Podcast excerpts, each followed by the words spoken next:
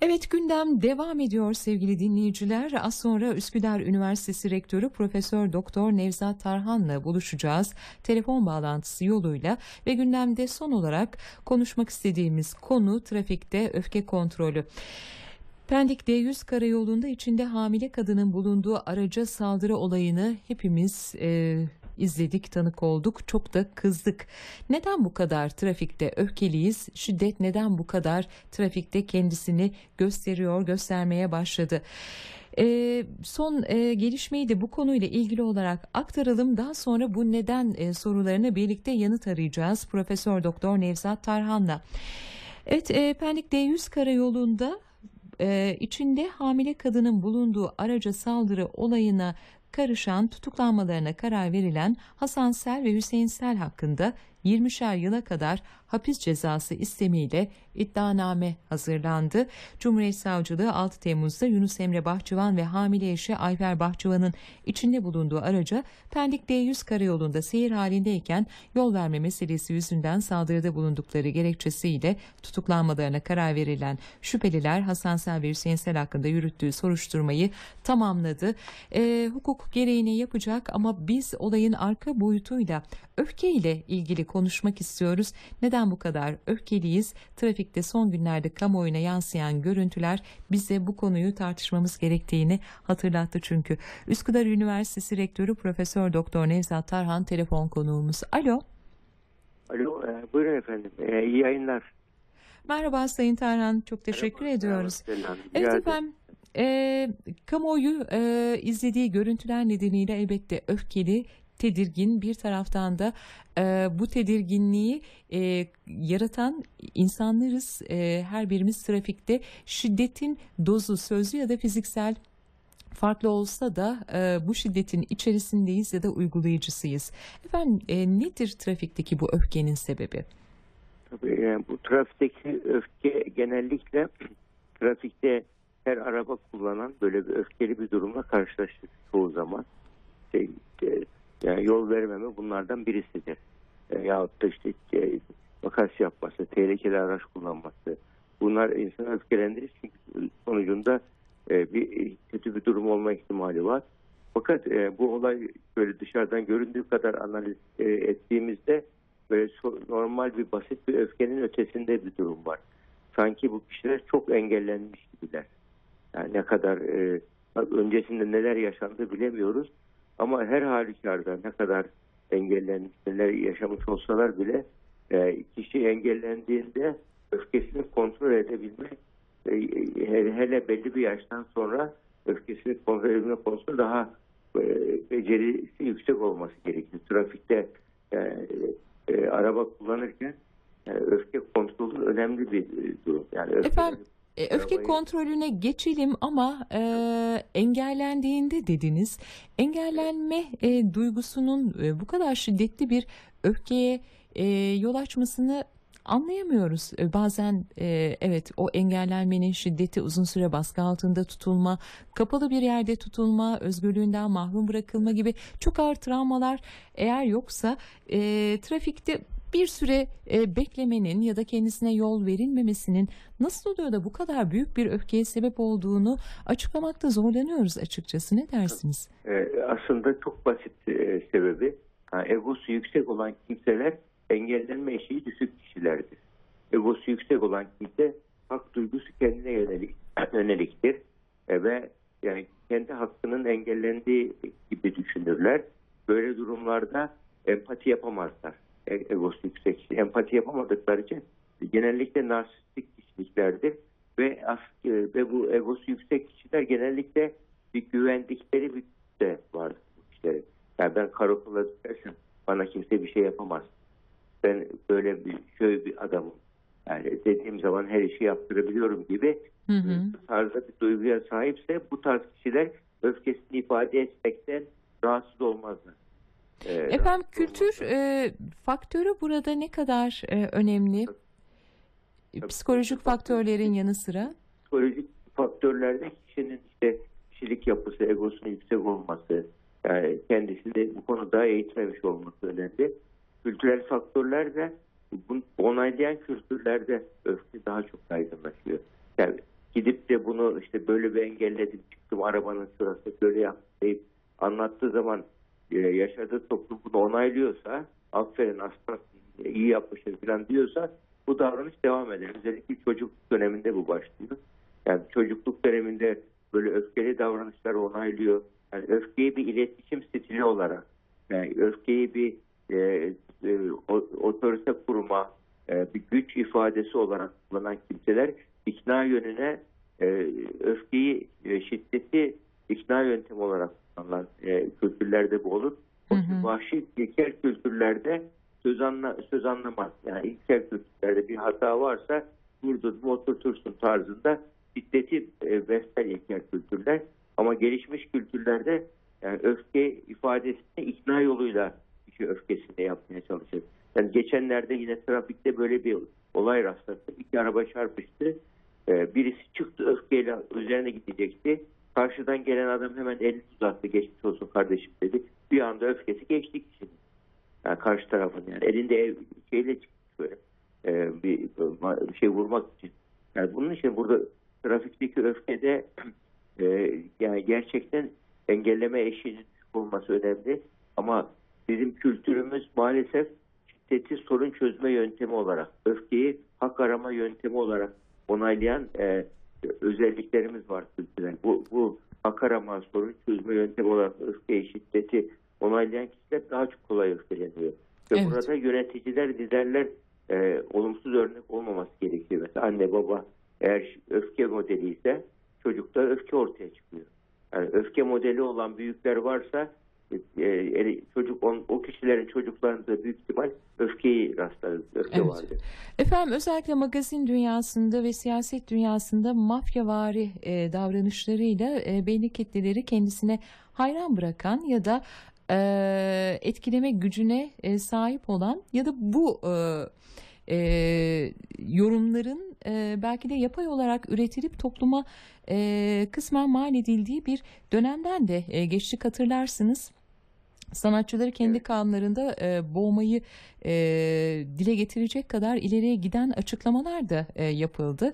E, özellikle kültür içerisinde şiddetin bir özendirici e, söylem ya da eylem olarak ifade bulması ve bunun yüceltilmesi televizyon dizilerinden e, ekonomi siyaset dünyasına kadar maalesef örnekleriyle kendilerini gösteriyorlar.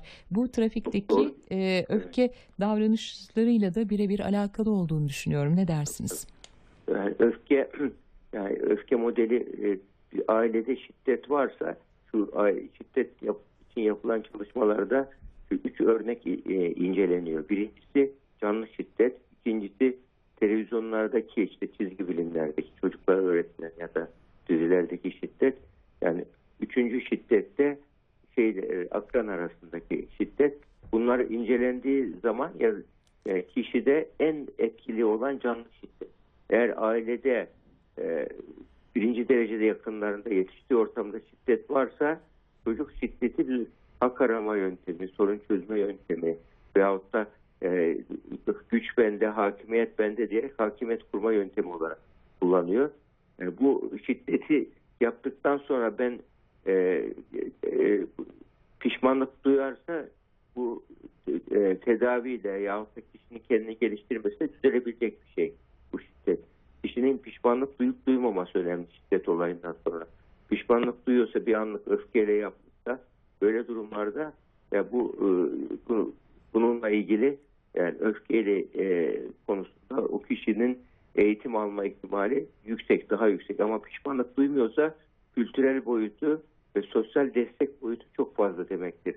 Bu tarzdaki şiddetler, şiddet olaylarında muhakkak e, sosyal çalışma da yapmak gerekiyor. Yani şiddeti onaylayan kültürler, öfkeyi onaylayan kültürler şiddeti artırıyor. Hatta mesela biz e, şiddetle ilgili vakalar geldiğinde ben hiç unutmam bir eczacı bir e, hastamız gelmişti. Şiddet sabah kalktığında şiddet tansiyonu yükseliyor, kalp krizi geçecek. Israrla getirdiler e, te- tedaviye. İlacı aldıktan sonra şiddeti, öfkesi geçti. Çok rahatladı. Fakat ben ilacı bırakacağım diye tutturdu. Hı Ya hı. niye bırakacağım bak tansiyonun düştü daha rahatladı. Ya ben bağırıp çağırmayınca kendimi kadın gibi hissediyorum. Mesela. Yani bu kültürel bir şiddet burada. Kendini Evet. şey hissetmesi. Başka bir öğretmen ha- hanım vardı. Bağırdığı zaman okul dinlerdi. Öyle bir öfke vardı. E, öf, şiddetin, öfkenin arkasında biz örtülü depresyon tespit ettik. Baktık beyninde serotonin azalmış. Ona bağlı öfke kontrolü sorunu yaşıyor kişi. Uygun ilaçları verdik. 3 hafta sonra geldiğinde ya, ya dedi öfkem tamam öyle geçti ki diyor öğrenciler sıraların üzerinde dolaşıyor yine de kızamıyor demiş. Bazen bu şiddet e, hastalık boyutu da oluyor bu öfkenin şiddeti. Onun Evet. için Gerek öfke bireysel- muhakkak, e, Hı hı. evet uzman e, da yönlendirmek gerekebilir zaman zaman. Evet, bireysel örneklerde böyle çok haklısınız. E, mutlaka e, uzmanların e, kontrolünde e, olmalı. Gerekiyorsa ilaç tedavisi ya da terapilerle öfke kontrolü sağlanabilir. Ama e, toplumsal olarak da bu öfke kontrolü konusunda belli e, etik değerlerin de e, topluma özellikle e, medya aracılığıyla kamuoyuna yaygınlaştırılması, öğretilmesi lazım. Bir trafik etiğinden bahsedersek Sayın Tarhan, e, bu etik e, içerisinde ne e, yer almalı? Bu etiği nasıl e, topluma yaygınlaştırabiliriz? Evet. Yani çok önemli bir konuya e, temas ettiniz. Şimdi e, trafikten önce işte araba kullanmayla ilgili e, işte ehliyet veriliyor. Yani ehliyette e, tabii e, karar vermesi zor olduğu için öfke kontrolüyle ilgili e, bu kişide yani öfke kontrolünü yapabiliyor mu yapamıyor mu diye bazı değerlendirmeler var. Mesela e, öfke kontrolü ölçekleri var. Böyle bir basit bir ölçek verirse o kişinin öfke ile ilgili e, hassasiyeti anlaşılabilir. Böyle durumlarda o kişinin ehliyeti e, verilmeme ile ilgili yaklaşımlar ya da önce düzelge ge- geçtiğimiz yıllarda Amerika'da çalışan iki tane bir kadın bir erkek Türk geldi. Mesela bu iki, iki kişi e, oradaki e, çalıştığı şirkette gittiğiniz yerde öfke kontrolü eğitimi alın. Bunu raporla getirin. Yoksa sizi işe almayacağız geldikten sonra demişler. Yoksa ev iş yerinde karı koca kavgalar oluyor tarzında. Ve bir düzen eğitim alıp gitmişlerdi. Şimdi trafikte olduğunda da böyle yapılabilir. Yani trafikte bir kimse öfke kontrolü yine trafikle ilgili yine başka bir vakam var. Ve öfke kontrolü için geldi. Ben soruyorum işte hangi durumlarda öfkeyle ilgili. Dedi ki ben hiç öfkelenmiyorum. Ne var ki falan dedi. Ara, trafikte nasılsın dedi. Sorun yok gayet iyiyim dedi. Eşi de dedi ya dedi sigorta şirketi e, e, böyle tehlikeli araç kullandığın için sigortanı uzatmadı ya söylesene dedi. Yani adamcağızın farkında değil yani öfkelenip de e, ehli, şey almış sigortası bile e, tehlikeli araç kullandığı için eline alıp unutuyor. Yani ilginçtir bu e, öfke konusunda. Burada yanlışı konuşma yöntemi çok önemli öfkelenek. Hı hı. için yani öfkelendiğiyle yüzleşip kendini düzeltebilmesi önemli. Trafikte e, e, bununla ilgili çalışmalar yaparken e, yani trafiğin e, trafik kültürünün oluşması lazım. Eğer trafik kültürü oluşmazsa e, bizim ben e, yurt dışından gelenler var Avrupa'da yaşayan Türklerden. Orada kurallara çok uyuyorlar. Kırmızı ışıkta duruyorlar. Her şey geçiyor. Türkiye'ye gelince her şeyi hiç önemsemiyorlar. Ama bu e, bu Evet. değerleri aslında benimsemedikleri sadece e, cezai müeyyidelerden korktukları için e, yaşadıkları yabancı ülkelerde uyduklarını ama Türkiye'de uymadıklarını e, göstermez mi Sayın Tarhan? Yani kültür haline gelmesi gerekiyor etik değerlerin sadece korku e, ya da e, ceza ödememek adına e, o değerlere uymanın uymamanın çok da anlamı yok galiba. Tabii şimdi korku tabii insan bazı durumlarda iç kontrol vardır. Bazı durumda dış kontrol vardır öfkede. İç kontrol yüksek olan bir kimse öfkelenir. Öfkelendiği zaman öfkeyi bastırmaz. Öfkeyi bastırmak da zararlı ama öfkeyi öğütmek gerek. Öfkeyi öğütebilen bir kimse öfkeden de faydalanır hatta. Bu neden öfkelendim? Hangi ilkem bozuldu? Hangi kuralım zedelendi der o öfkeden faydalanır kişi. Ama e, bunu yapamayan kimse öfkeyi bastırır sağ yok kalp baş hastalıklar ortaya çıkar yahut da patlar kişide. Şimdi diğer e, diğer yabancı kültürlerde de bu artık e, istisnasız bir kural olarak uygulandığı için orada yaşayanlar buna rahatlıkla otomatik şey yapıyorlar.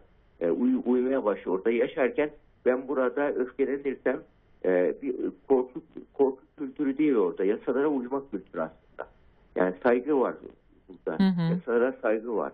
Yani onu bir korku gibi de değerlendirilmemek lazım. Yasalara saygıyı bizim kültürümüzde de yasalara saygıyı kazandırabiliriz. Yani diyelim ben Osmanlı döneminde e, böyle e, mesela balkona çamaşır atılmazmış hiç. Böyle bir kültür yokmuş ama şimdi var. Bu neden? Yani ne değişti yani 100 sene içinde? Yani bu gibi bazı şeyler var. Bunun için bizim kültürel, kendi kültürümüzü e, okullarda öğretmemiz gerekiyor. Yani okullarda daha önceleri etik değerler dediniz çok önemli. Mesela önceleri dergahlarda böyle her mahallede bir dergah var. Dergahların kapısında e, önce edep yazar. Yani oraya gidip de ilim öğrenmeye gelenlerin önce edep öğren. Yani Hı hı. yol, yordam, oturmayı, kalkmayı e, bunları öğrenmeden ilim öğrenmenin bir anlamı yok. Yani biz şu anda bizim okullarımızda edep dersiyle ilgili edep öğreten bir program yok maalesef. Yani onun için okullarda kendi kültürümüzü öğreten, kendi değerlerimizi öğreten e, derslerin bu temel ders olarak konulması gerekiyor. Seçmeli ders değil. De- değerler eğitim değil. Değerlerin böyle değer içerikli eğitim verilmesi gerekiyor. Fiziğin, matematiğin her şeyin içinde değer öğretmek, değerlerimiz öğretilmeli. Bu öfke konusu da bunlardan birisi. Öğretmediğimiz zaman biz onlara vermediğimiz şeyi nasıl alacağız ki insanlardan? İlkokula başlıyor gençler. E, mezun olduğu zaman üniversiteden ilkokula başladığı zaman daha et, saygılı, daha böyle e, e, etik değerler olan bir çocukken üniversiteyi bitirdiği zaman daha e, böyle sorumsuz bir kişilik ortaya çıkıyor. O halde demek ki bizim okul serü- serüvenimizde bir sorun var. Bu masaya yatırılması gerekiyor. Yani etik değerleri tabii anne babaya bırakamayız. Yani anne baba okul birlikte yapacak bunu. Çok haklısınız. Hı hı. verdiğini anne baba da onaylayacak. Annenin, babanın, ailenin, toplumun öğrettiğini okulda onaylayacak. Ya böyle bir eğitim e, tabakat gereken bir durum. Toplumun, e, okul eğitiminin ve ailenin hepsinin birlikte yani nasıl bir çocuk yetiştireceğiz? Yani iyi bir mühendis yetiştirmeden önce iyi bir insan yetiştirmemiz lazım. İyi bir insan empati duygusu olan insandır. Öfke empatisizlikten kaynaklanıyor. Arabanın içinde kim var? Hamile bir insan var. Şu hiç empati yok. Sadece öfkelenmiş, öfkesini ifade var. Eğer o insan empati eğitimi almış olsaydı e, suç işleyenlere e, işte böyle ıslah rehabilitasyon merkezlerinde gelişmiş ülkelerde empati eğitimi yaptırılıyor. Orada mesela sen bunu yaptığın işi e, annene birisi yapsa, ablana birisi yapsa ne hissederdin diye empati öğretiliyor. Eğer bunu öğrenmişse ıslah evden çıkarılıyor. Yani bunun gibi empati eğitimi topluma gerekiyor. Yani empati kavramı aslında bizim kültürümüzde diğergahlık diye geçiyor. Ama biz diğergahlığı unutmuşuz. Ee, batıdan gelen empati kelimesini benimsemişiz. Olsun aynı anlamı ifade ediyor. Ama bunu hiç olmasa yani bütün kötülüklerin kapısını emin ol empati aç, empatisizlik açıyor. Başkasının hakkına, hukukuna saygı göstermemek, başkalarının ihtiyaçlarını dikkate almamak. Yani bunun arkasında bencillik var. Ben merkezcilik var. Yani ben merkezciliği düzelten etik değerleri çocuklara öğretmek için şu anda bak bu bütün dünyanın sorunu olmaya başladı. Evet. Onun için Harvard 2015'te pozitif psikoloji dersi koydu. Evet. Sayın Evet, Tarhan çok 2018'de özür diliyorum. koydu. Evet. Evet. e, bağlamanızı rica edeceğim. Son e, 10 saniye programımızın bitimine doğru. Tabii yani burada önemli olan yani sizin o çok güzel vurguladığınız gibi etik değerlerin eğitimi küçük yaştan başlarsa öfke kontrolü konusunda sorunlar en aza iner. Bu, e, bu- burada devletin de sorumluluğu var diye düşünüyorum. Efendim çok teşekkür ediyoruz. Rica. Profesör Doktor Sayın. Nevzat Tarhan bu çok önemli e, Türkiye'nin de tartıştığı bir konuydu. Biz de değerlendirmiş olduk. Sağ olun.